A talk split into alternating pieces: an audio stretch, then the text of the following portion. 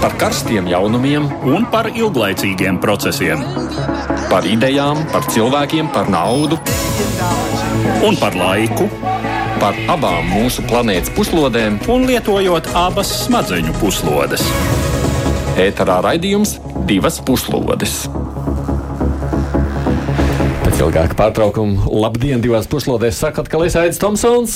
Nu, paldies kolēģim Uģim Lībietim, kurš bija gatavs iepriekšējās nedēļās man aizvietot cilvēks ar milzīgu pieredzi. Tāpēc Nu, nešaubos, ka raidījumi bija arī vēl kvalitatīvāki, bet, nu, ko lai saka, visam savu vietu, savs laiks. Man arī pienāca laiks atgriezties. Edvards Liniņš gan visu laiku bijis kopā ar mums, ar jums, un ir arī šodien. Par ko tad, Edvards, šoreiz runāsim? Labdien! Runāsim par Ķīnu. ASV pārstāvju palātas spīkeres Nensijas Pelosi ierašanās Taivānā ir izprovocējusi pamatīgu spriedzi Savienoto valstu un Ķīnas attiecībās. Ķīnas armija solījusi veikt mērķtiecīgas militārās darbības, nu, un Baltais nams brīdinājis, ka provokācija gadījumā nepaliks atbildi parādā. Starptautiskie analītiķi saka, ka šobrīd ir grūti prognozēt visas iespējamās šīs vizītes sekas. Nu, jā, tā ir ka Ukraiņas dēļ par Ķīnu pēdējā laikā mazāk esam runājuši, bet nu, droši vien ir vērts runāt gan par ekonomisko situāciju valstī šajā lielajā, gan arī par nu, politisko spriedzi, jo būtībā jau arī Ķīnā ir gaidāmas vēlēšanas, ja tā varētu nosaukt. Protams, arī Ukraiņas kara kontekstā nu, Ķīna ir vērts pieminēt. Nu, tā tad šodien mūsu fokus būs vērsts austrumu virzienā. Un studijā kopā ar mums ir Rīgas Stradiņa Universitātes Ķīnas studiju centra vadītāja Una Aleksandra Bērziņa Čerenkova. Labdien! Sveicināti, prieks būt ar jums! Un savukārt no Vašingtonas mūsu studijai pieslēdzas politologs Andris Kudors. Labdien, Andi! Labrīt, labdien! Jā, rīts viņam. Bet nu, mēs sāksim, protams, vispirms ar ieskatu problemātikā ap Taivānu un to jaunāko notikumu attīstību. Taivāna kā de facto neatkarīga valsts izveidojās 1949. gadā, kad uz šo salu pēc zaudējuma pilsoņu karā pārcēlās Ķīnas nacionālistu, respektīvi nekomunistiskā valdība.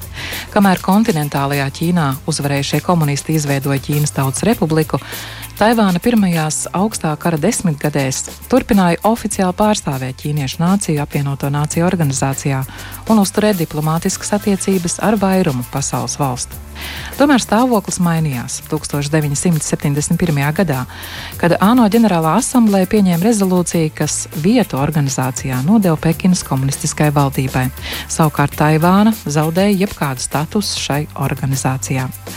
Tāpat arī praktiski visās citās starptautiskajās organizācijās Taipējas valdībai nav oficiāla statusa, un Ķīnas Tautas Republika pastāvīgi asi reaģē uz jebkādiem mēģinājumiem iedibināt oficiālas attiecības ar Taipēju. Arī Savienotās valstis 1979. gadā atzina Pekinas valdību par oficiālo Ķīnas valsts varu un Taivānu par Ķīnas sastāvdaļu, pārtraucot oficiālas diplomātiskās attiecības ar Taipēju. Tomēr ASV neatzīst Pekinas suverenitāti pār Taivānu un īpašs likums nosaka Amerikas pienākumu atbalstīt Taivānas aizsardzību. Tas gan savukārt nenozīmē militāras iesaistas garantijas gadījumā, ja Ķīna uzsāktu iebrukumu. Savienotās valstis šai ziņā piekopja tā saucamo stratēģiskās divdomības politiku, uzturot spēkā militārās iejaukšanās iespēju. Jebkuru oficiālu vizīti Taivānā Ķīna uztver kā savas suverenitātes pārkāpumu. Tāpēc, kad pirms apmēram mēneša izpaudās ziņas, ka Savienoto Valstu kongresa apakšpalātas priekšsēdētāja Nensija Pelosi savas Austrumāzijas tūras laikā varētu apmeklēt Taivānu, Pekina reaģēja ļoti asi.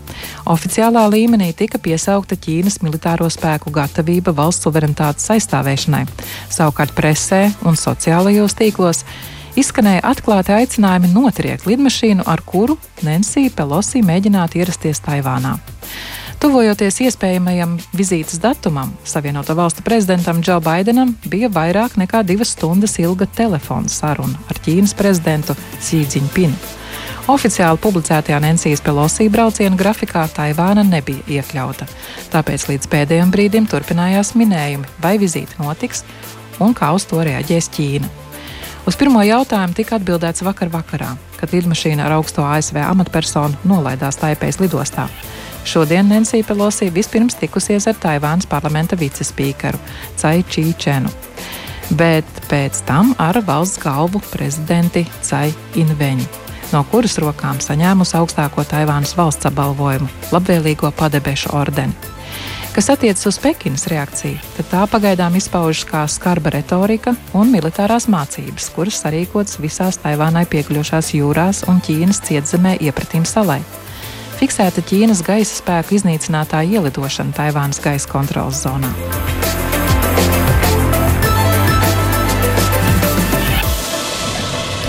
Tā tā situācija, un ko tālāk varam sagaidīt no Pekinas? Katrā ziņā neapmierinātību. Pekina lieto ļoti interesantu formulējumu, eh, tad, kad runā par to, ka Taivāna pēdiņas vaļā atgriezīsies dzimtenes um, mm. apskāvienos, pēdiņas ciet. Ja? Formulējums tiek lietots tāds, ka tā ir vēsturiska neizbēgamība, ka Taivāna un Ķīna atkal apvienosies. Nu, at, atkal apvienosies Ķīna, proti, bet, protams, Ķīnas komunistiskā partija nekad nav par Taivānu valdījusi, tāpēc šeit mm. var lietot arī vārdu apvienosies. Tātad tas notiks pats par sevi, var no vienas puses domāt, no otras puses gan var domāt, ka vēsturē šādi tad uh, lieli, uh, lieli valstu vadītāji mēs arī palīdzēsim. Tā nav nekāda jauna retorika no Ķīnas puses, ne? Tā nav jauna retorika, un tāpēc mēs nezinām, bet, bet ir jauna situācija. Mm.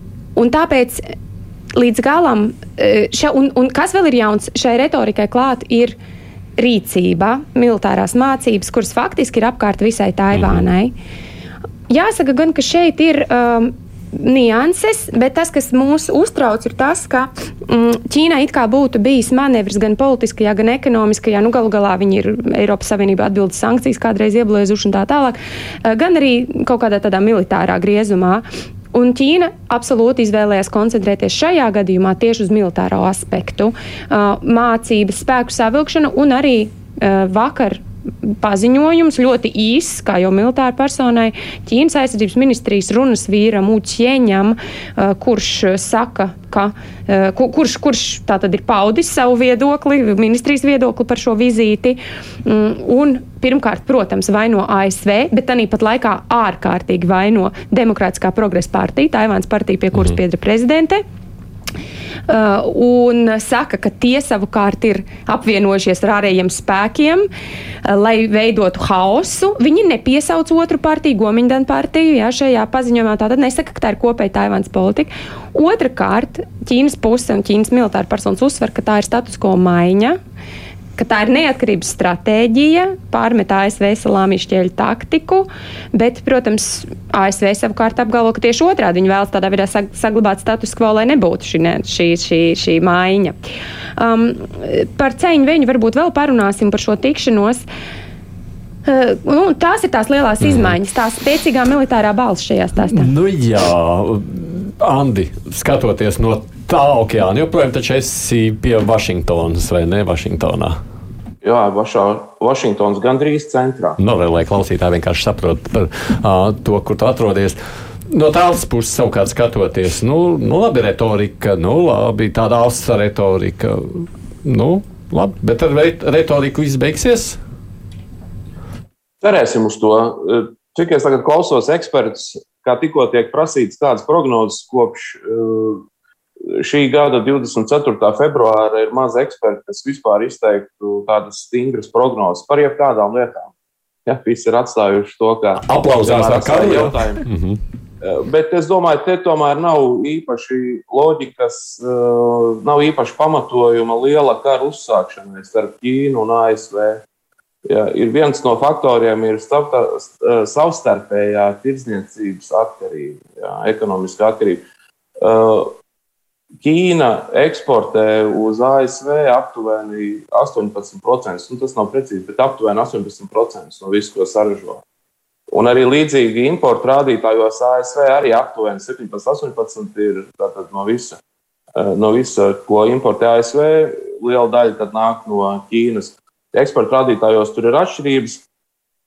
Eh, vēl viena lieta, ko ASV jau caur gadiem ir izdarījuši, ir padarījuši to lēmumu pieņemšanu Ķīna, Ķīnas pusē okupēt un, un kontrolēt pilnībā Taivānu par tādu grūti īstenojamu.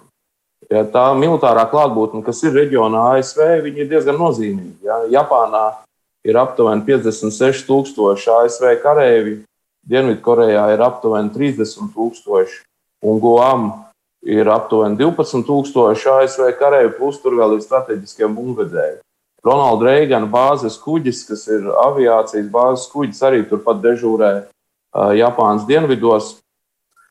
Uh, ir vēstījums ar šo, tā ir tāda laba strateģiskā komunikācija ar rīcību, ka tas varētu maksāt dārgi, ja Ķīna uzsāktu kaut kādu operāciju. Bet te nav tik vienkārši, protams, jo tas pats Sīdziņpins ir jau nākot pie varas, ir paziņojis, ka viņš apvienos un ka Taivāna tiks atgriezta atpakaļ, ja, kā jau Una teica.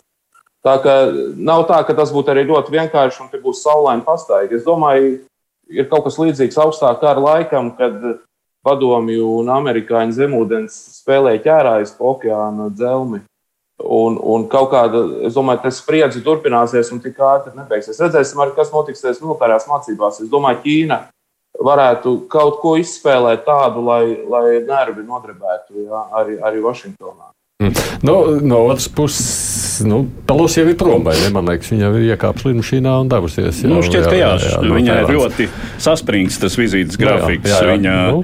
um, vienu dienu, nepilnu diennakti viņa pavadīja Singapūrā, tad pusdienu Malaizijā, mm -hmm. tad mm. Taivāna un droši vien, ka viņa jau ir ceļā, ceļā. uz Dienvidu nu, Koreju. Tas nozīmē, ka, nu, redz, bija aizbija. Nu, parunāja. Uh, no. Nu, jā, no vienas puses, Savienoto valstu uh, kongresmeņi, senatori apmeklē Taivānu ļoti regulāri.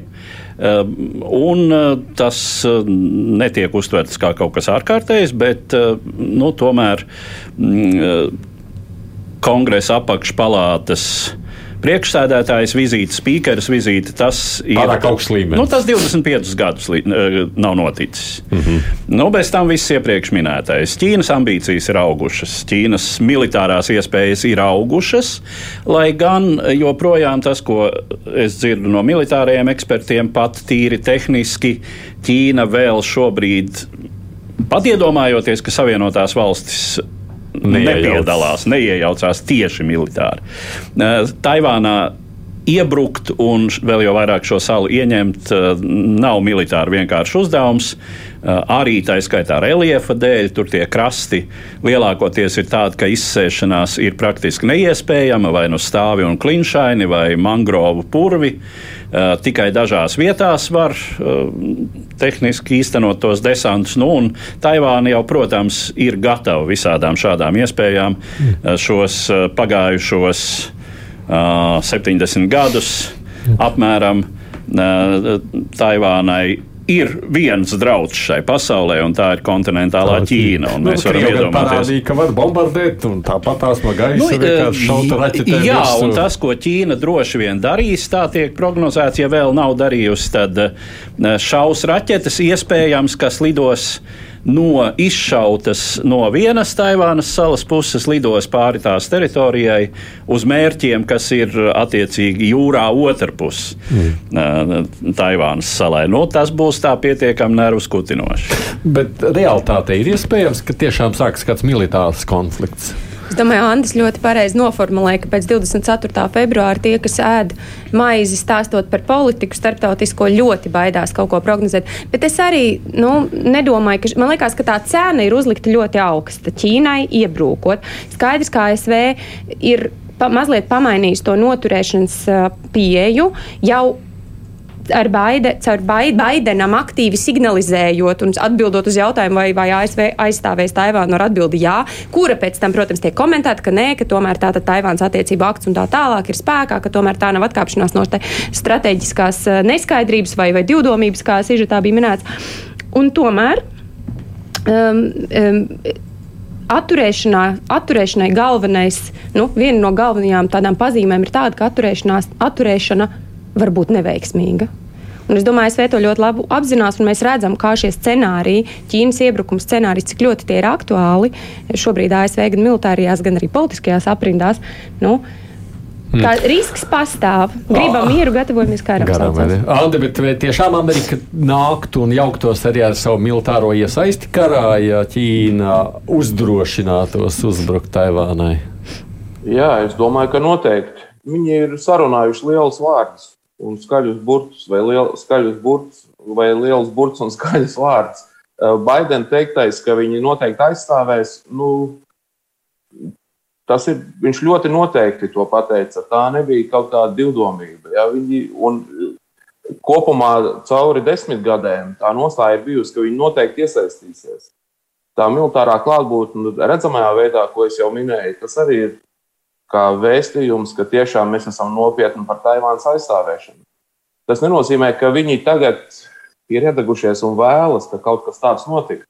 Pentagons galu galā bija pret Pelosi vizīti, Baidens bija pret Pelosi vizīti. Tagad jā, es klausos tās reakcijas ASV politiķu un ekspertu vidē. Nu, neviens nav īpaši priecīgs par to, ko Pelosi ir izdarījusi. Tāpēc, ka sācinājumi īpaši ASV tagad nevajadzēja.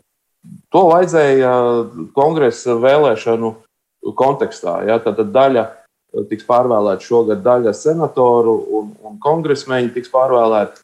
Tātad pārstāvju palātas deputāti. Šeit Pelosi ir ieguvusi milzīgu uzmanību. Ja? Tajos komentāros ļoti veiksmīgi priekš Pelosi izskan, ka viņa ir trešā persona, ja gadījumā tātad tajā varas nodošanas secībā, ja kaut kas notiek ar valsts prezidentu. Līdz ar to no, tas tiek teikts, kritizējot viņu arī. Jūs saprotat, tas šī ir augsta amatpersona, kas ir devusies pārāk augsta. Un tas pārāk sakaitina Ķīnu. No otras puses, tas ir, viņai ir pirms vēlēšanām ir milzīga reklāma. Lūk, cik augsta pozīcija ir Pelosi, cik viņa ir svarīga. Nu, Pelosi jau cauri desmit gadiem pat ir ļoti asi runājusi par Ķīnas politiku Taivānā. Ir izteikusi šo atbalstu jau tādā ziņā, viņa rīkojas atbilstoši savai praksē, kā viņi iepriekš ir darījuši. Tā, nav tikai tāda politiska izrādīšanās vai politisko mm, punktu pelnīšana, nu, kā mēs te uzreiz gribētu to nodēvēt. Ne, tā lielā mērā ir politiskā izrādīšanās no Pelosi puses, jo viņa to izdara, viņa to gribēja darīt pavasarī jau, un tad viņa saslima ar Covid, un tāpēc tas tika pārcelts.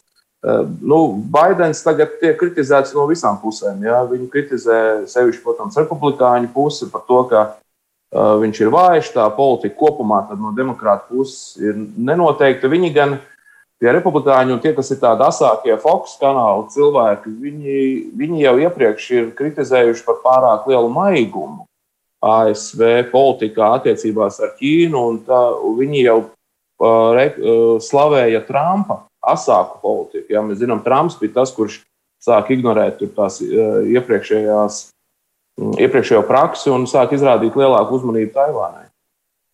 Bet, nu, skatoties savukārt par pašu Pelosi, tad tā, nu, kā izskatās no tā, tādas pētnieku viedokļa, aplamrīcība bija aizbraukt šoreiz. Nu, um, protams, kaut kāda, pie kaut kādas eskalācijas tas noved. Nu, tāpat kā jebkura noturēšanas pozīcija, parādot, ka, ka, ka, ka mēs nopietni, ja mēs to lietu domājam nop, nopietni. Um, un, protams, jau ar vizīti tas ir viens, bet otrs ir teta teta ar cainu veņu. Kas ir vēl sarkanāka lupata, ja vēl ir iespējama vēl sarkanāka lupata? Kāpēc? Tāpēc, ka tā ir Taivānas prezidenta. Tāpēc, Jā. ka tā ir Demokrātiskās progresa pārst, pa, uh, Mhm. Demokrātiskās progresa pār, Partijas. pārstāve. Paldies, Jā. aizrunājos. Um, Un tāpēc, ka šī saruna ir ārkārtīgi augsta profila, jā. un tā, jā, protams, izskan um, tas, ka uh, Cainveņa, tā, tā, tā bija tā skatuve, kur Pelosi pateica, nevis ar citiem kolēģiem, ar kuriem viņa tikās, bet tieši ar Cainveņu runājot, viņa teica, ka šī apņemšanās aizstāvēt Taivānu ir dzelžaina. Ironclad, ja? un, un šis vārds ir aizgājis visur, tad tas arī atbalstot uh, Anna um, uh, komentāru. Mm, Bet ja mēs paskatāmies, ko saka Cēna Vēņa patiesībā, viņas runa kaut arī izklausās karavīgi, nemaz nav karavīga. Viņa tieši cenšas neeskalēt. Viņa ir priecīga, viņa velk virsū pelosī to uh, lentu, bet tā pašā viņa saka laikā. Um, Turpināsim uzturēt savu suverenitāti, turpināsim aizsargāt. Jā? Tātad pretēji tam signālam, kuru Ķīna dod, ka šis nu ir bezmaz vai neatkarības manevrs no Taivānas puses, par prezidentu neko tādu nesaka. Kā tu domā par to? angliski taimingu, jeb laika brīdi, kurā viņi tur ir. Jā, Nu, es teiktu, tā, ka, ja tika pateikts, ka varētu braukt uz Taivānu, un sākās šī stīvēšanās par to braukt, nebraukt, laba ideja, slikta ideja, tad šeit, protams, jau ieslēdzas tas faktors, ka vienai pusē būs jāpiekāpjas. Un vai Savienotās valstis tādā globālā prestiža līmenī var sevi šai brīdī pozicionēt kā gudrāko, kurš piekāpjas? Baidos, kāpēc, ka, baidos, kāpēc, ka problemātiski. Kāpēc? tas, tiek, tas tiktu uztverts tomēr kā uh, Savienoto valstu zināmā vājuma mm. pazīme. Uh, kā mm, piekāpšanās Ķīnas totalitārismam, uh, galu galā nu, agrāk šādas vizītes ir notikušas. Uh, un Ķīna tāpat ir plosījusies, bet uh, to galējo sarkano līniju nekad nav pārkāpusi. Labi, nu, Ķīnai bija, uh, kā jau teicu, mazākas militārās iespējas nekā šodien, bet varbūt tieši tāpēc.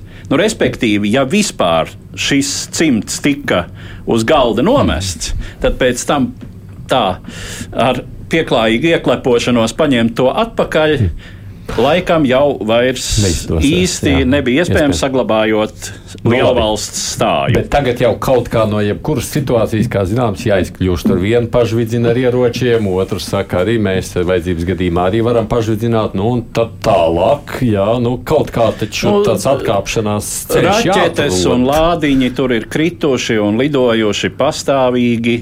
Uh, un, uh, Nu, varbūt amortizējošais faktors ir tas, ka Taivānai stingri ņemot nav savu teritoriālo ūdeņu uh, un nav savas suverēnas, īsti suverēnas gaisa telpas. -hmm. uh, nu, līdz ar to tikko ķīniešu uh, kara lidmašīnas uh, vai uh, kara kuģi parādās Taivānas tūmā, uh, nav obligāti, teiksim, uh, uh, suverēnas valsts veidā jārēģē un uh, jāsūt pretī sava uh, militārā tehnika var vienkārši pagaidīt, kamēr nomierināsies. Tā tā žvadzināšana tā arī varētu beigt. Nu, pašvadzināja viens, pašvadzināja otrs. Nu, tā pamazām, pamazām saka, nu, mēs jau pateicām, ko. It kā no vienas puses, protams, ķīnieši ir tādi de klusās deeskalācijas meistari, bet no otras puses nevar noliegt, ka, protams, Indijas klusais okeāns, ASV un NATO ir pieauguša prioritāte. Situācija mainās, Ķīna to zina un jūt. Um, un, un, un, ja mēs paskatāmies ASV pagaidu drošības stratēģiju, to, kas martā iznāca 21. gadā, nu, ko Baiden, nu, nu, tad, tur, tad tur ir runāts tieši par to, bezmazliet pirmajā teikumā, par to, ka mums ir sāncensība ar Ķīnu un Krieviju, tātad Ķīna pirmajā vietā un citām autoritāriem valstīm. Un nevelti Vansī tagad, kur, kur ir Asiāna Plompiņā, vai kur viņam tagad ir tikšanās, viņš pilnīgi krata ar pirkstu sarkans, ka, ka šausmīga lieta ir notikusi ar to braucienu, jo it kā situācija nav tāda pati.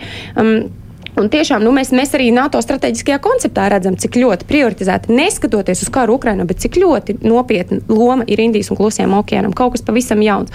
Otrs, es gribu uz, ka, ko es gribu teikt, lietojot tādu latviešu vārdu taimings. Uh, taimings jau ir saistīts arī savalkot ar Ukrāni, Ukrainu, mm. jo nu, Lavrovs jau šo ir uzķēris un velk paralēli starp uh, ASV attieksmi pret Ķīnu un ASV attieksmi pret Krieviju uh, Ukrainas kara kontekstā, speciālās operācijas kontekstā. Un tas jau atkal palīdz tuvināt šīs valsts. Nu, Pagaidiet, par šo tad arī turpināsim, jo te mazliet tā, šajā tematā pievēršoties, Edvards ir vēl vienu tādu, nu, tādu notiekošu apkopojumu izveidojis un producents sagatavoja šo ierakstu. Savienoto Valstu kongresa apakšpalātas priekšsēdētājs Nensijas Pelosī šodienas vizīte Taivānā radījusi jaunas bažas par iespējamo konfrontācijas sāsināšanos starp ASV un Ķīnas Tautas Republiku. Šīs attiecības jau tā nav spožas.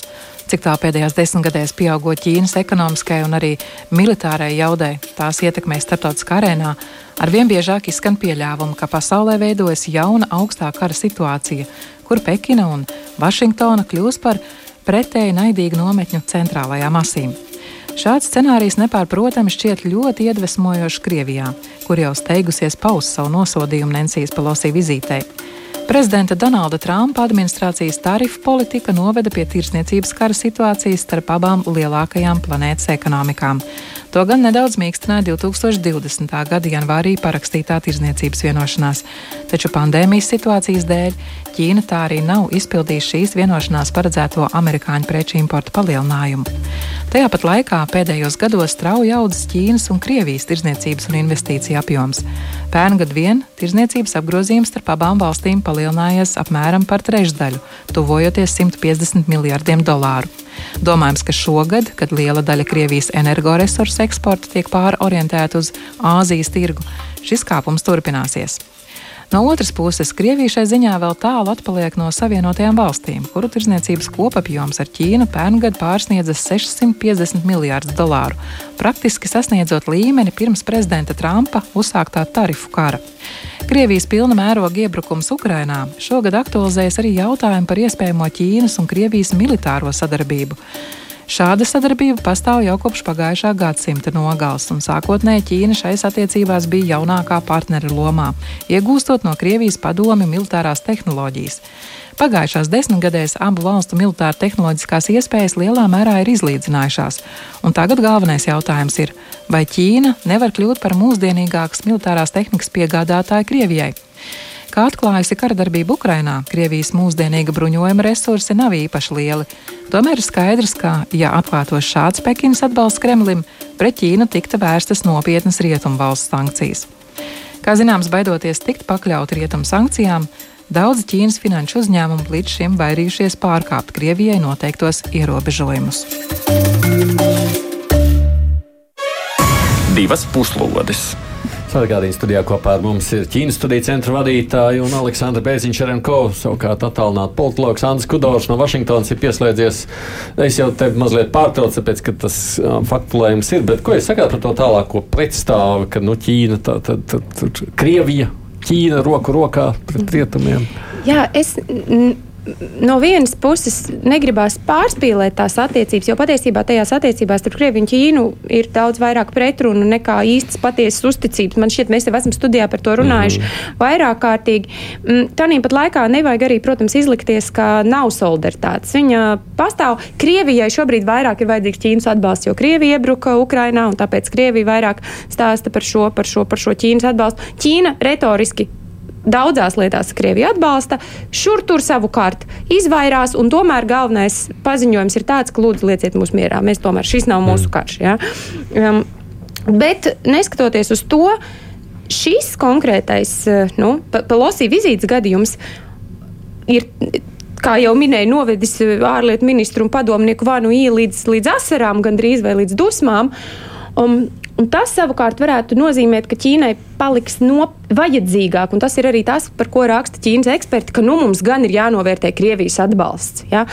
Tātad šādā it kā visā simboliskā vizīšu, pagaidām ne ieroču, cerēsim, ka ne ieroču kontekstā, bet tik un tā reālais ieguvums Krievijai var būt tāds, ka Ķīna tomēr lems mazliet tuvināties Krievijas pozīcijai. Alde, cik Vašingtonā par to raizējas, sakot, ka nu, šajā brīdī pagrūž Ķīnu tālāk Krievijas apskāvienu virzienos? Ja, nezinu, kurš kur apskauj, bet nu tā. Jā, kopš, kopš lielākā eskalācijas, tad agrā pavasarī šogad nepārtraukti izskan balsis, pārsvarā tie ir no tādiem republikāņu vanagu puses Eh, tie, kur arī pa Fox kanālu vairāk dzīvo, tad tie kritizē eh, Baidena administrāciju par to, ka tā tiešām stumi kopā ja, un mēģina sadraudzināt eh, vairāk Krieviju un Ķīnu. Un šīs bažas nepārtraukti ir, un tā ir arī daļa no, no kritikas. ASV ir parādījusi sevi ar šo soli kā lielvaru. Labi, Pelosi varbūt izdarīt kaut ko, ko viņi var izdarīt tajā atsvaru un līdzsvaru sistēmā, jau check and balance. Ja, kad katram varas atzaram ir, ir daudz autonomijas, un šī gadījumā likumdevēji pārstāvi, kā valsts parlamenta pārstāvi, izdara savu parlamentāro diplomātijas soli. Un tomēr arī tā kritika, kas bija no Pentagona, viņi jau no vienas puses, nu, ne gluži kritika, bet tas, ka izskanēja ziņas, ka Pentagons nav bijis uh, apmierināts ar šo soli. Uh, aizsardzības resursi tomēr jau tad, kad viņi lidoja Pelosī, jau bija vēstījumi, ka Ķīnas pusē pat nedomāja. Ja? Tas ir mūsu oficiālais pārstāvis. Valsts ir pietiekami vienota un Ķīna zināja, ja viņa gadījumā ja tur pat izskanēja bažas, ka varbūt pat varētu notriekt lidmašīnu vai vēl kāds incidents gaisā notikt. Nu, ķīnieši sap, zināja, ka ASV neko tādu īstenībā nepieļauj. No vienas puses, šis ir tāds ASV nu, triumfa solis. Ja? Viņi nodemonstrējuši muskuļus. Supervara pasaulē numur viens ir ASV, un Ķīna tāda nav. Viņi ir tuvu tam, un viņas tās Ķīnas mēro uh, spēks, vara nepārtraukti ir pieaugusi. Bet par tām iespējām arī par to, ka būtu sācinājums tagad saistībā ar Ukrajinu un, un Ķīnas lielāku palīdzību Krievijai, tur ir, ir kaut kāds pamats bažīties par to, bet tomēr mēs varam vērot, nu, ko iepriekš Ķīna ir darījusi, kas ir viņu vispār valoda bijusi arī diplomātijā un rīcība. Tā ir vairāk saistībā ar, ar investīcijām, ar tirdzniecību, ja, ar tādu de facto ekonomiskās varas pieaugšanu un tad ietekmēt politiku. Tīri kā, kā tāds, jā, ja mēs skatāmies viņu reģionā, protams, ir atšķirīgi. Es biju Tokijā pirms dažiem gadiem un runāju ar Japānas drošības ekspertiem. Tas, kādu ainu viņi, kāda ir viņu priekšstats par Ķīnu, ir radikāli atšķirīgs nekā mēs te ikdienā varbūt runājam. Un viņi runā par Ķīnu kā par militāro draudu. Un Japānas eksperti teica, ka viņiem ir trīs apdraudējumi militārie, ja iespējami. Tie ir, tie ir Ķīna, tā ir uh, Ziemeļkoreja un, un Krievija kaut kādā mērā, kas arī riņķo ar saviem iznīcinātājiem ap Japānas regulāri.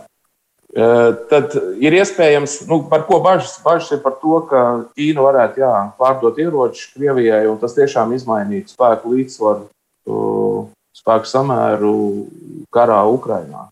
Cerēsim, ka tas nenotiks. Cerēsim, ka Ķīnai iepriekšējā stratēģija ar šo ekonomiskās varas audzēšanu un ar tās palīdzību ietekmējot eh, starptautisko politiku. Cerēsim, ka viņi paliks pie tā, jo mēs, protams, nebūtu ieinteresēti, ka Ķīna kaut kādā veidā palīdz Krievijai karot Ukrainā. Kā tev izskatās, Edvard? Nu, varu tikai piekrist, jā. Ķīna turpinās skatīties uz savu lomu pasaulē pirmām kārtām caur uh, ekonomiskās ietekmes prizmu.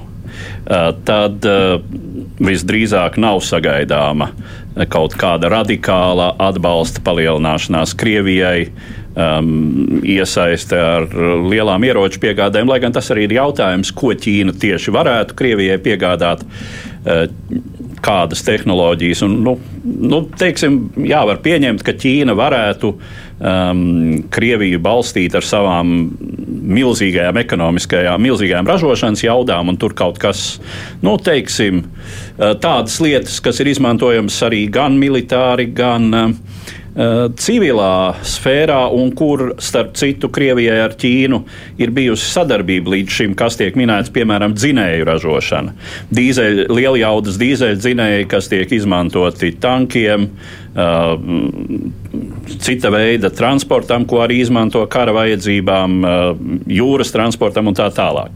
Bet, uh, nu, tomēr, tomēr ja mēs uh, paskatāmies uz to, ka nu, tas Krievijas un Ķīnas ekonomiskās um, savstarpējās tirdzniecības potenciāls uh, šobrīd ir Uh, tiek vērtēts nu, tas maksimāli iespējamais, uh, varētu būt 250 miljardi gadā. Bet tas, tas vēl netuvu nav sasniegts. Šobrīd ir nepilnīgi 150. Mm. Jā, jautājums arī, kad tas varētu tikt sasniegts. Tad uh, šobrīd gan ar Savienotajām valstīm, gan ar Eiropas Savienību ir apmēram divas ar pus reizes vairāk. vairāk jā, nu, es domāju, ka Ķīna diezin vai riskētu ar šīm attiecībām. Lai, lai nopirktu Krievijas labvēlību. Hmm. Jo Krievijas lētos enerģijas, tas, ko, tas, ko Ķīna visvairāk ir ieinteresēta no Krievijas saņemt, to tā saņems tāpat un par ļoti izdevīgu cenu. Ievērojot šī brīža situāciju, Krievija pārdos Ķīnai savu naftu, perspektīvā droši vien pārdos vairāk savu gāzi, visu citu, kas Krievijas plašumos ir atrodams, koku materiālus, piemēram, ja, mm. pār Ķīnai ļoti ērtām cenām. Tāpēc, ka neviens cits vai, vai vairums citu uh, ekonomiski jaudīgo valstu sankciju dēļ to neiegādāsies. Mm. Nu, es palasīšu, ko daži ļaudis mums raksta šobrīd. Nu, viens klausītājs saka, Ķīnai jābūt absolūti trakai, lai eskalētu Kremļa karu, kas novestu vēl pie Ķīnas saistības ar bādu un ciešanām visā pasaulē. Savukārt Pēters saka tā, nu Ķīna taču pēdējos gados arī iekšēji plos milzīgi daudz dažādas problēmas, un tās Kremļa kara sekas to ir tikai vēl pastiprinājuši. Tāpēc viņi prāt, Taivāna tiek izmantot kā tāds ārējais tvaika nolaidājs, lai novērstu. Nu, nu, Vai te tā uzrakstīts, ka būs grūti izlasīt Jā. uzreiz, bet dažādām kļūdām? Droši vien, ka Una var labāk komentēt par to, kāda ir tā Ķīnas iekšējā situācija un sīdziņa piņa teiksim, varas balansēšanas. Jā, par to arī gribas pajautāt. Bet tīri ekonomiski, taču nu, tad atskan kaut kādi trauksmes zvani no Ķīnas puses, vai ne? Jūsu sarunas vilciens ir aizgājis tik tālu, bet man gribās no. atgriezties iepriekšējā okay. stacijā un pakomentēt, ja, ja es drīkstu, jā, protams, jā, attiecībā uz to Ķīnas, um, Ķīnas ekon, instu, ka, ka e, ekonomika ir Ķīnas vadošais instruments, kā, kā varas palielināšanas instruments. Pasaulē, jā, globāli, jā, bet neaizmirsīsim, ka šeit runa par reģionu, par Ķīnas pamat interesi. Es esmu tiešām šeit, kā, lai, lai pastrīdētos. Es pat līdz Aha. galam neticu, ka Ķīna tūlīt, tūlīt peldēs pāri šaurumam, bet tāds arguments arī pastāv. Tātad, kas attiecās uz, uz reģionu, tad Ķīnu interesē visi varas un kontrolas aspekti, un viņi tos arī pielieto.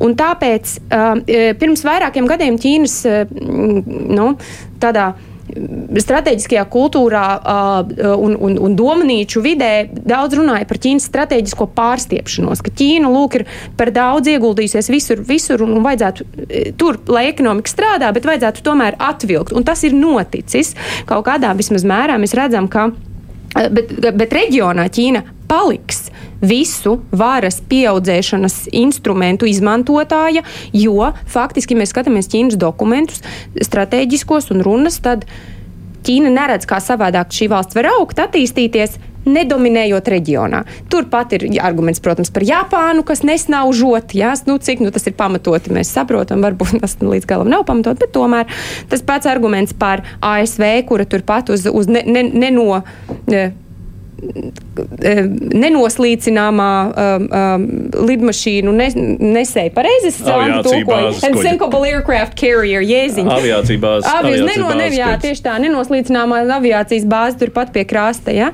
Un tāpēc uh, ekonomika ir svarīga. Ķīna noteikti nav globāla lielvalsts tādā līmenī kā ASV, bet reģionāli. Un, diemžēl problēma ir tāda, ka Taivāna geogrāfiski ir tur, kur viņi ir. Viņi ir tieši tajā reģionā. Mm. Un kāds bija otrs jautājums? Es par ekonomiku jautāju tādā ziņā, nu, bet paši viņi nevar nerēķināties ar savām ekonomiskajām vajadzībām. Jā, par iekšpolitiku, vai ne? Nu, protams, Jā. iekšpolitika ārkārtīgi ietekmē um, um, arī kaut kādas tādas ārpolitiskās uh, pozīcijas. Kas notiek? Nu, pirmkārt, uh, nulles Covid politika nestrādā mm, tik labi, kā Sīdžimpins to būtu iedomājies. Tā kā viņš ir parakstījis savu vārdu zem tā, nevis kāds, es nezinu, Uhaņas partijas sekretāriņš vai vēl, vēl kāds, kur varētu skaisti atlaist. Nē, tur ir apakšā šai politikai Sīdžimpina um, paraksts, un tāpēc tā tiek īstenota, un visu laiku ir mājasēdes, ir, ir problēmas, un, protams, ka ir ārkārtīgi liels neapmierinātība. Numur divi um, - brūk un jūk um, nekustamā īpašuma sektors. Jā. Uh, ķīnieši ir pieraduši maksāt, uh, tāpēc, ka um, tiek uzskatīts, ka nekustamais īpašums ir ļoti laba investīcija.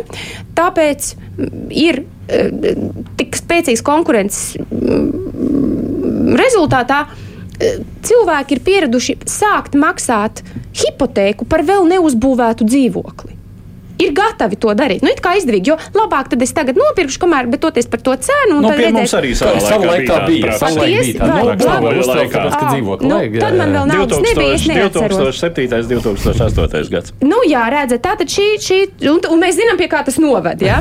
Un noved tas pie tā, ka, ka un, un tad tas notiek caur bankām. Un bankas kaut kādā veidā ir, ir kaut kādi ierēģi, kuriem ir pieeja pie šīm kasēm, kuri ar šo naudu principā dara, ko grib. Un šādi gadījumi nāk klajā. Cilvēki ir neapmierināti un atsakās sarunā kopā, ka mēs vairs nemaksāsim uz priekšu. Viss ir tā, tāds protests, masveida hipotēkas neizmaksāšana. Nu, un, protams, valdība tiek vainota ļoti spēcīgi. Tas ir divi. Da, dažādi, vēl, vēl ir dažādi iekšēji faktori, un no tiem, protams, Ziedņpinam ir jānovērš uzmanība, runājot par šo ārpolitisko spiedienu. Bet Ķīnas iedzīvotājs parastais tomēr, kaut arī viņam šausmīgi nepatīk Amerikas hegemonija un, un, un, un, un, un, un visādas NATO izplešanās un visas citas lietas. Tomēr neredz tik acīm redzamu saistību starp viņa šīs dienas ekonomiskajām, sociālajām problēmām un to, ka ASV kaut kādā veidā rosina Taivānas neatkarību. Nu, it kā baigie nejauciņi, ka viņi mēģina palīdzēt Taivānai kļūt ne neatkarīgai. Bet kā tas ietekmē manu hipotēku šodien, līdz galam skaidrs nav. Tāpēc man liekas, ka tas arguments par to, ka Sīdžinpīnam ir jānovērš uzmanība no iekšpolitikas caur Taivānu, tur ir jāpieliek vēl soļi, lai viņš būtu stiprāks. Viņš Krievijā nav... tas darbojās. Labi, Nu, kā mēs Krievijā redzam, daudz kas darbojas. Jā, Krievijā šis tas ir citādi. Krievija neražo uh, preces par simtiem miljārdu, kurus, kuras pērk rietumos. Rietumi ir maksātspējīgi. Uh, attiecīgi, nē, nu, paralēlis jau te var vilkt visādas. Nu, Krievija arī eksportēja, un tagad uh, uz rietumiem vairs tik daudz neeksportē. Nu, mēs vēl skatīsimies, kā ar to Krievijas ekonomiku. Jā, bet, nu, protams, mūsu ievazīze, kas mūs producēja un producēs gan jau varbūt atkal kādreiz nākotnē prasa, bet vai tad Ķīna vispār var ekonomiski atļauties doties pāri šaurumam un sākt, pieņemsim, karu ar Taivānu? Nu, tīri ekonomiski var atļauties. Mēs jau īstenībā tik daudz ko nezinām, vai ne Nezinām, par Ķīnu. Ekonomiski, nu jā, ja es pareizi saprotu, tad karš ir dārga lieta. Nu, dārga. Krievi atļaujās Man- Ukrainā. Un, un tas atkal apstādina teikt, ka ne, nekas nenotiks. Tāpat laikā man liekas, man liekas, no visa tā, kas ir lasīts un teikts, ka ar tādām hibrīd, nu, ar tādām eh, pelēkajām metodēm būtu Ķīnai vienkāršāk un lētāk panākt rezultātu. Nu, piemēram, vēlēšanas. Mēs zinām, ka Ķīnā ir izplatīta, frāze, ka atkal apvienošanās, starp atkal apvienošanos un mums stāv tikai vienas vēlēšanas Taivānā. Un ņemot vērā, cik ļoti ķīnieši negrib kritizēt Gomiņdana partiju, ja, bet ļoti konkrēti savu kritiku velta tikai un vienīgi DPP, viņi neizslēdz vēl joprojām šo iespēju. Skaidrs, ka šī iespēja stipri samazinās pēc 19. gada, pēc Hongkongas notikumiem. No taivānieši pat tie, kas bija ne līdz galam, tagad viņi negrib Ir- šo ir vienu valsts, divas sistēmas. uh, Bet Jā, es piebildīšu, ir vēl viens moments. Statistika rāda, ka Taivānā līdz, vienkārši līdz ar paudžu nomaiņu ar vienu pieaug to cilvēku skaits, kuri sevi identificē kā taivāniešus, kā suverēnas Taivānas valsts pilsoņus. Nevis kā Ķīnas Nevis, ķīniešus. nevis kā ķīniešus. Jā. Mm -hmm. Un mēs redzam vēl vienu interesantu lietu. Mēs redzam, cik ļoti ir pieaugusi Taivānas drošības un aizsardzības sektora aktivitāte ārzemēs. Cik ir vizīšu, cik ļoti daudz Taivānas militārās amatpersonas tepat, ka Nu, Lietuvā- mūsu reģionā, Lietuvā, nu, Lietuvā tas ir skaidrs, jā, uh, bet arī visur, kur Eiropā un arī ASV un, visu, un dažādos statusos, it kā neko nepārkāpjot, bet tomēr tas nozīmē, ka Taivāna šobrīd arī izmanto šo saspīlējumu. Slikts PR arī ir PR. Tātad, lai runātu par savu drošību tieši un uniformā, kas ir interesanti. Par ekonomisko situāciju amerikāņi taču arī, nu, nu Trumps jau labi iesāka visu šo karu, un, nu, tādu tirzniecības jau tā to varētu nosaukt, bet realtātē jau, nu, man liekas, Amerikā daudz pievērš uzmanību Ķīnas ekonomikai, vai ne? Jā, viennozīmīgi. Un tā kritika, kas ir Baidena virzienā, ir par to, ka viņam pat personīgi, viņa ģimenei ir kaut kādas intereses Ķīnā, viņa brālim, un tur, nu, viņa dēls ir minēts arī Ukraiņas kontekstā, bet uh, es domāju, te ir tāda ASV strateģiskā spēle ar Ķīnu, un Krieviju un Taivānu ir tāda lavierēšana, nu, varbūt ne lavierēšana, bet tāds vidusceļš starp pragmatisku, jeb reālu politiku un normatīvu ārpolitiku. Un tad eh, tas, kas izskan arī Pelosi vizītes kontekstā, ir šī daudzu amerikāņu sirds atbalsts tiem, kas cīnās par brīvību. No otras puses, tad ir šī inerce, varbūt nu, zināmā mērā inerce ja, no augstākā laikiem, kad strateģiskajā spēlē bija nepieciešams trešais. Ja, tad ASV uh, bija divpolāra pasaule, bija tātad NATO ar ASV priekšgalā un, un Varšavas bloks ar PSRS galvgalī. Tad, tad Ķīna bija kā trešais. Tagad ir nomainījušies uh, tādi gravitācijas centri. Tagad divi svarīgie šajā lielajā spēlē ir ASV un Ķīna. Un Krievija ir liederīgais, bet mazsvarīgais. Un tā tas ir gan amerikāņiem, gan ķīniešiem. Un tās, tas, kas tika minēts ar tām jaudu pieaugšanu, jā, tā tirdzniecībai ir vēl potenciāls starp Ķīnu un Krieviju pieaugt, bet viņš nav pārāk liels ar to pašu dabas gāzes pārdošanu. Viņam nemaz nav fiziski iespēja tik daudz pārpumpēt uz Ķīnu. Ķīna nepērk. Viņam ir citi plāni ar sašķidrinātās gāzes iepirkšanu. Un tas, ko Krievija daudzkārt demonstrējusi, ir vairāk bijusi tāda sabiedrisko attiecību kampaņa pēc 2014. gada, ka viņiem ir alternatīva, tā ir Ķīna. Jo Eiropas Savienība uzsāka sankcijas, ah, mums, mums tas ir vienalga, mums ir Ķīna. Bieži vien tas ir bijuši lielā, vairāk skaļi izteikumi nekā reāls iespējas ļoti pamatīgi audzēt šo tirdzniecību. Lai gan, protams, ka akcents būs uz to. Amerikāņu, Amerikā izskan izolacionisma balsis, sevišķi Trumpa laikā tās izskanēja arvien skaļāk. Un arī tas ietekmē to, teiksim, ko pilsoņi sagaida, cik tad ASV ir aktīvi vispār starptautiski. Un tad beigās tā politika, protams, ir, kā jau demokrātiskā valstī, tad ir kaut kāda kopsuma no šīm dažādām interesēm. Trumps rīkojās kā tāds izolacionists un skatījās, kā viņš var aizsargāt, piemēram, savus metālu ražotājus ASV un, un domāja tajās kategorijās, ja, kas, kas tādām valstīm kā Latvija, piemēram, nemaz nelikās tik pozitīvā arī NATO kontekstā, jo mēs gribam, lai Amerika būtu tāda eh, pāri robežām ejoša ar savu ietekmi, lai līdz, līdzsvarot mūsu reģionā Krieviju. Tā, tā diskusija te joprojām ir aktuāla, viņa ir dzīva. Un, uh, ASV, kad runā par Ķīnu, viņi, viņi analizē viņas ekonomisko jaudu. Un uh, Ķīna ir tā, kas spēj konkurēt kaut kādā nozīmē arī ar ASV, atšķirībā no Krievijas. Krievija var tikai solīt izkauties, uh, piesolīt izkauties ar visiem, bet ekonomiski konkurēt. Ķīna gan sadarbojas, gan konkurē. Tātad te ir daudz faktoru, protams. Bet, ja par Ķīnas iekšpolitiku vēl mazliet, nu, tomēr tādās piecās minūtēs runājot, tur tiešām ir iekšēji tāda cīņa par varu. Nu, Demokrātiskā valstī mēs tur redzam, tur prezidenta vēlēšanas vispārējais. Nu, Ķīnā it kā viss ir citādi. Nu, mm, 100 miljonu lielā, vai cik 80 miljonus, varbūt tagad jau ir vairāk. Jau, jau, jau es domāju, ka ir droši vien zem 100 um, partijas, lo, pa, partijas uh, locekļu. Ap 90 esot. Nu, nav vēl 100, jā, nu, bet drīz jā, būs. 90 miljoni komunisti. Jā, 90 Ķīnas, miljoni Ķīnas komunistiskās partijas biedru. Un turklāt ne visus ņem, starp citu. Tas mm. ir liels, tas, tas nemaz nav tik vienkārši. Ja? Mm.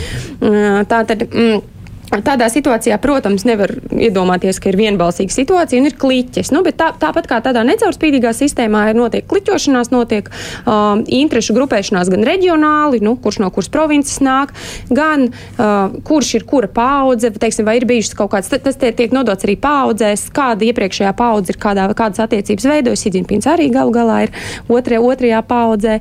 Um, un, e, Trešais, protams, ir arī e, nu, arī, arī attiecībā uz politisko viedokli. Ja? Tātad, vai tie ir jaunie kreisie, kas ir šausmīgi kareivīga tāda frakcija e, Ķīnas kompartijā, vai arī tie ir tādi, nu, vairāk arī uz, uz tādu, un, un es teikšu, faktiski neoliberāli noskaņoti, ja, ar, visu, ar visu savu komunistiskās partijas biļeti kabatā, bet domā, ka tomēr tirzniecība laba lieta, reforma atvērtības politika Ķīnu tomēr ir pabarojusi, un tomēr savstarpējā atkarība galu galā strādā abos virzienos, un ne tikai palīdz Amerikai, bet palīdz arī mums. Arī tāda frakcija ir. Mēs viņus varbūt tagad nedzirdēsim tik ļoti daudz uh, pirms oktobra.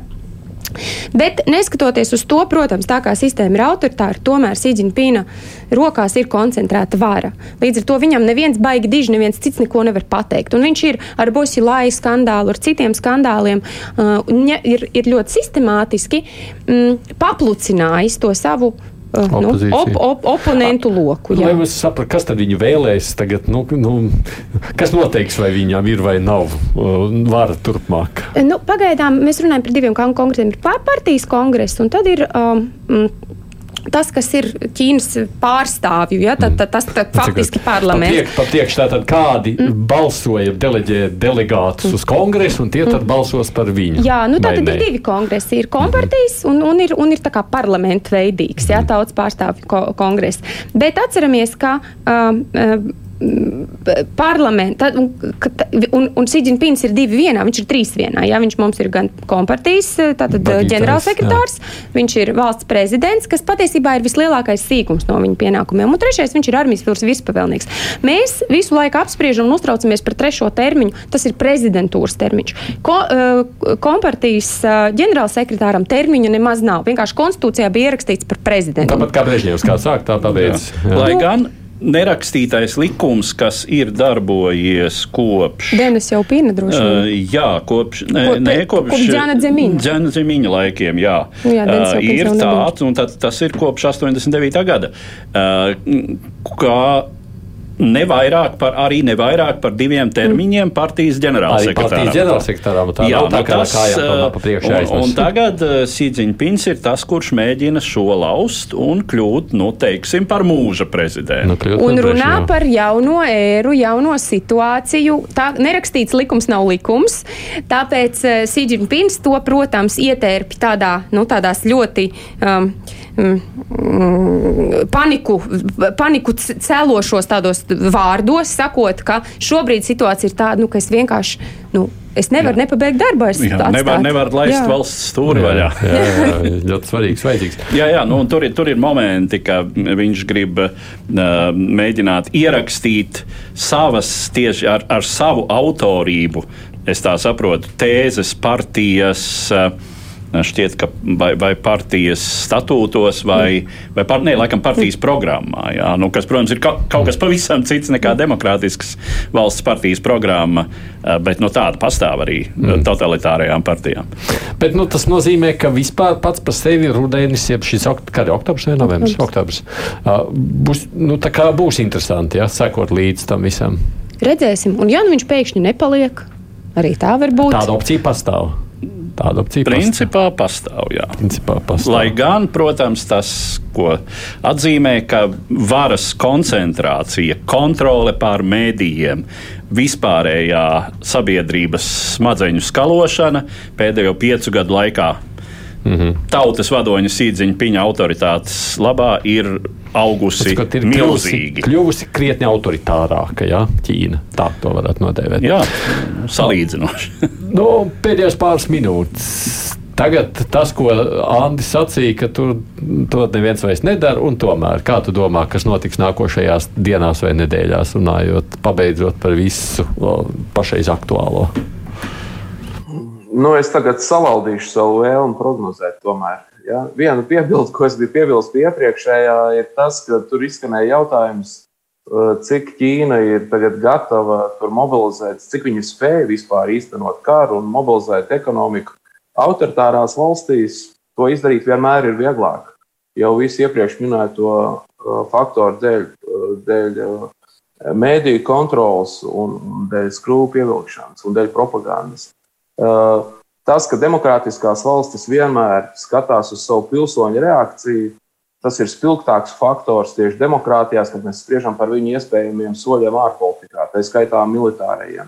Ja mēs vērtējam autoritārās valsts, kā piemēram ar Ķīnu, un dažos jautājumos tā ir totalitāra, tad viņu iespējas mobilizēties ir lielākas. Ja, ja, ja partijas vadība tur izlemj, ka viņiem vajag to karu, nu, tad viņi ir gatavi varbūt arī uh, aicināt cilvēku savilkt jostas, un tā atsaucība varētu būt lielāka. No otras puses, ķīnieši sāk pierast jau pie tādas veselīgākas dzīves ekonomiski. Ja? Tie vairs nav tie ķīnieši, kas bija kaut kādos 50. un 60. gados.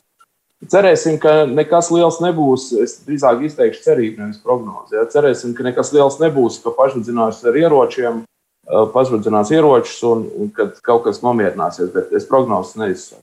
Edvards mēģinās varbūt. Nu, es esmu piesardzīgi optimistisks un atkārtošu Anna teikto. Visdrīzāk Ķīna pieklājības un teiksim, nepieciešamā prestiža, prestiža uzturēšanai nepieciešamajās robežās pašvidzinās ieročus, pablīkšķinās tur pamatīgi pa Dienvidķīnas jūru, pa, pa kas tā ir Filipīnu jūra, jā, nu viss, kas apkārt -hmm. Taivānai. Ne, tas, ko Taivāna saka, faktiski dažas dienas Taivāna būs teju vai blokādas situācijā, jo manevri notiek visapkārt. Attiecīgi civili kuģi un lidmašīnas no šiem rajoniem ir brīdināti izvairīties. Nu, ja es tāpat 15 sekundēs, nu, tā opti, op, nu, optimistiskā ir mazliet vairāk nekā pesimistiskā.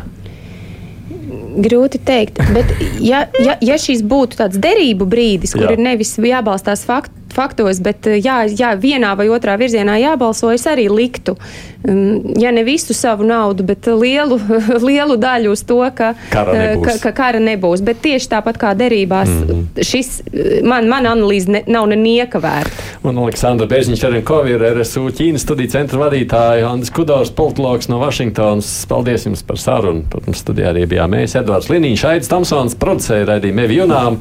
Etrā pēc nedēļas atkal raidījums būs Edvards gan atvaļinājumā, bet mēs tiksimies atkal šeit etrā. Divas puslodes!